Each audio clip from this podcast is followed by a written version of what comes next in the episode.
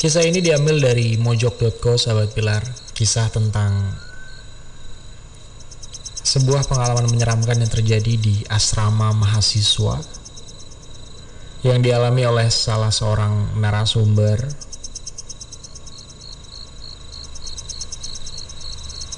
yang ternyata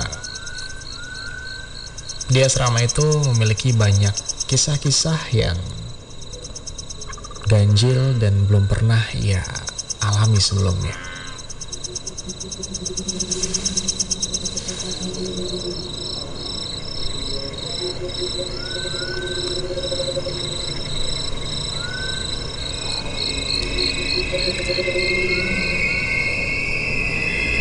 Semuanya bermula dari perjalanan si narasumber merantau ke kota pelajar. Seorang perempuan narasumber ini ya, yang merupakan mahasiswi baru dari sebuah kota di luar Pulau Jawa. Langsung dikirimkan oleh ayah dan ibunya ke asrama mahasiswa khusus dari kota X, yaitu kota asalnya. Tapi si narasumber ini nggak menduga sama sekali kalau asrama mahasiswa, sementara ya tempat uh, sebut saja A ya A ini tinggal emang khusus perempuan yang dimaksud oleh asrama mahasiswa itu ternyata sesepi itu tuh si A nggak nyangka gitu. Ya bagaimana enggak ya karena dari 30-an kamar yang tersedia hanya empat kamar saja yang terisi dan itu pun di lantai bawah semuanya. Selain itu Akira tinggal di asrama mahasiswa juga akan terbebas dari cerita-cerita aneh yang mengerikan. Pasalnya setiap tahun semestinya asrama ini nggak pernah kosong dihuni mahasiswa-mahasiswa sebelum sebelum uh, ini masuk kan. Tapi ternyata dia harus menerima kenyataan bahwa ternyata 26 kamar yang kosong di tempat itu bukan jaminan atas dugaan sebelumnya. Karena dipikirnya apa sih bakal rame banget nih di asrama itu. Karena kan siapa sih yang nggak mau masuk asrama gitu ya tempat tinggal yang saya bilang gratis gitu ya dan juga lebih hemat pasti dibanding ngekos dan lain-lain tapi ternyata malah kosong nah kejadian aneh pertama yang A alami itu berlangsung hampir tengah malam karena kebetulan si A ini sering banget pulang terlalu larut eh, terlalu terlalu terlalu terlalu larut ya karena keperluan kuliah Biasanya paling awal dia akan masuk ke kamar pada pukul 11 malam. Lalu bersiap-siap mencuci pakaian sebentar di tempat khusus yang disediakan untuk mencuci baju. Letaknya itu ada di luar kamar, dekat aula tempat menjemur serta kamar mandi umum. Malam itu dua di antara empat orang di asrama sedang pergi dan gak tidur di sana. Alhasil hanya ada si A ini dan kawannya satu lagi. Sebut saja namanya Farah. Di sana selagi A mencuci pakaian, Farah ini ada di kamarnya, nggak tahu mungkin lagi nonton televisi sampai mengantuk. Nah, sementara ketika si A sedang mencuci, mungkin sekitar baju yang kelima dia cuci, waktu menunjukkan masuk tengah malam. Tiba-tiba kan sambil nyuci pasti sambil mikir gitu ya. Si A ini sedikit ngeri karena tiba-tiba teringat seseorang yang memperingatkan dia bahwa penunggu di asrama itu nggak terlalu suka kalau ada kegiatan yang berlangsung sampai tengah malam. Tapi karena A ini membutuhkan pakaian yang bersih, pastinya dia harus mencuci baju-bajunya sampai selesai. Akhirnya A melanjutkan mencuci. Sampai akhirnya tiba-tiba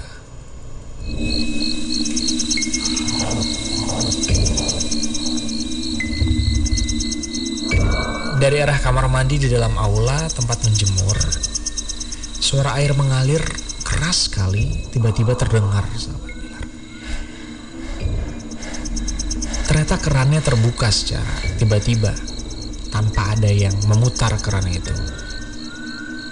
Si A jelas kaget. Dia lalu lari ke kamar Farah, sedikit ngos-ngosan sambil bilang, "Selain ini, selain kita berdua ada lagi nggak sih di sini?" ada orang lain gak selain kita berdua? Farah jawab, cuman kita berdua mbak, emang kenapa? Akhirnya Farah yang sedikit lebih berani mulai tertarik mendengar ceritanya si A ini soal keran air yang tiba-tiba kebuka. Mereka berdua akhirnya pergi menuju ke arah kamar mandi di dalam aula. Letaknya emang agak dalam dan jarang digunakan, dan itu yang membuat suasana berubah ngeri mendadak. Karena memang tempat itu jarang dipakai. Baru saja kaki mereka memasuki aula, sesuatu yang lebih mengerikan terdengar. Suara air yang mereka dengar ketika mereka jalan ke tempat itu tiba-tiba berhenti. Nggak terdengar lagi suara air mengalir. Dan suara itu pun lengkap dengan suara keran, decitan keran yang diputar keras-keras. Jadi kayak ada suara krek krek krek krek dan tiba-tiba airnya berhenti mengalir. Saat itu A dan juga Farah tanpa babi bu langsung lari masuk ke kamar mereka dan ketakutan mereka malam itu diikuti oleh penjelasan bapak penjaga asrama keesokan harinya. Ketika Farah dan A ini cerita, bapak penjaga cuma bilang, ah udah biasa. Dia kayaknya cuma pengen kenalan sama kalian. Kadang-kadang saya juga harus ngisi uh, air di gayung di kamar mandi itu karena kalau misalnya enggak mungkin kalian nanti akan mendengar suara gebiar-gebiur katanya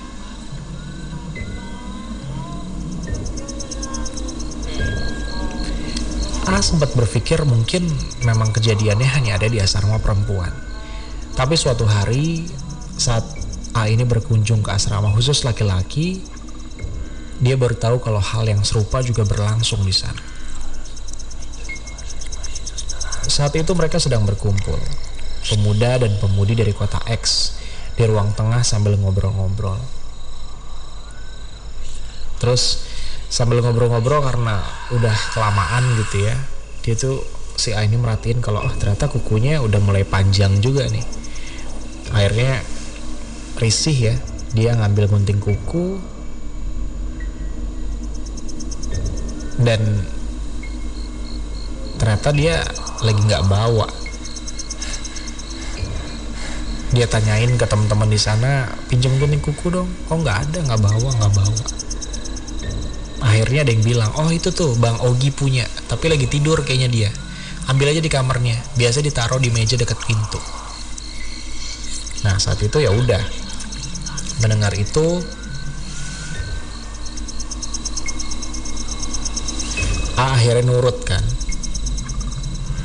Karena Bang Ogi ini adalah sahabat mereka semua dan udah akrab banget, udah deket banget, udah sesantai itu. Jadi bahkan si A ini udah let, tahu juga letak kamarnya. Akhirnya dia nggak canggung lagi untuk turun, sedikit mengintip ke dalam lewat pintu yang celahnya emang sedikit kebuka. Oh itu tuh kelihatan gunting kukunya. Jadi per, perlahan-lahan dia masuk sambil bilang pinjam dulu ya bang gitu. padahal memang situasinya bang Ogi lagi tidur di kasur nah ketika bang Ogi tidur itu si A ini ngeliat. Di sebelahnya bang Ogi ada anak kecil lagi tidur juga sama. Nah di situ si A mikir oh baru tahu bang Ogi lagi kedatangan saudaranya.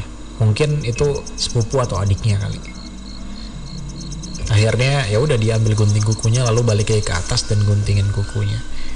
Sekitar 15 menit setelah itu Bang Ogi bangun dan gabung sama mereka. Dan dengan santai dikembaliin gunting kukunya kan sama si A ini. Nih bang tadi aku pinjam gunting kuku makasih ya. Eko sendirian adiknya mana? Bang Ogi keheranan adik. Nggak punya kok adik. Oh, maksudku sepupunya. Atau siapa sih anak kecil itu yang tadi tidur bareng sama Bang Ogi di kamar? Bang Ui kelihatan bingung. Dia mandangin si A ini dalam-dalam. Terus semua yang ada di sana juga keheranan. Gimana gimana? Kamu jangan ngarang lah katanya. Nah saat itu si A jadi yang takut kan. Ini beneran tadi pas masuk ke kamar Bang Ogi aku ngeliat ada anak kecil tidur di sebelah abang beneran. Bang Ogi langsung pucet teman-teman satu ruangan semua juga sama kagetnya dan karena setelah saling cerita juga saat itu ternyata memang konon di asrama pria sering banget terlihat sosok anak kecil yang bermunculan di beberapa tempat di sana.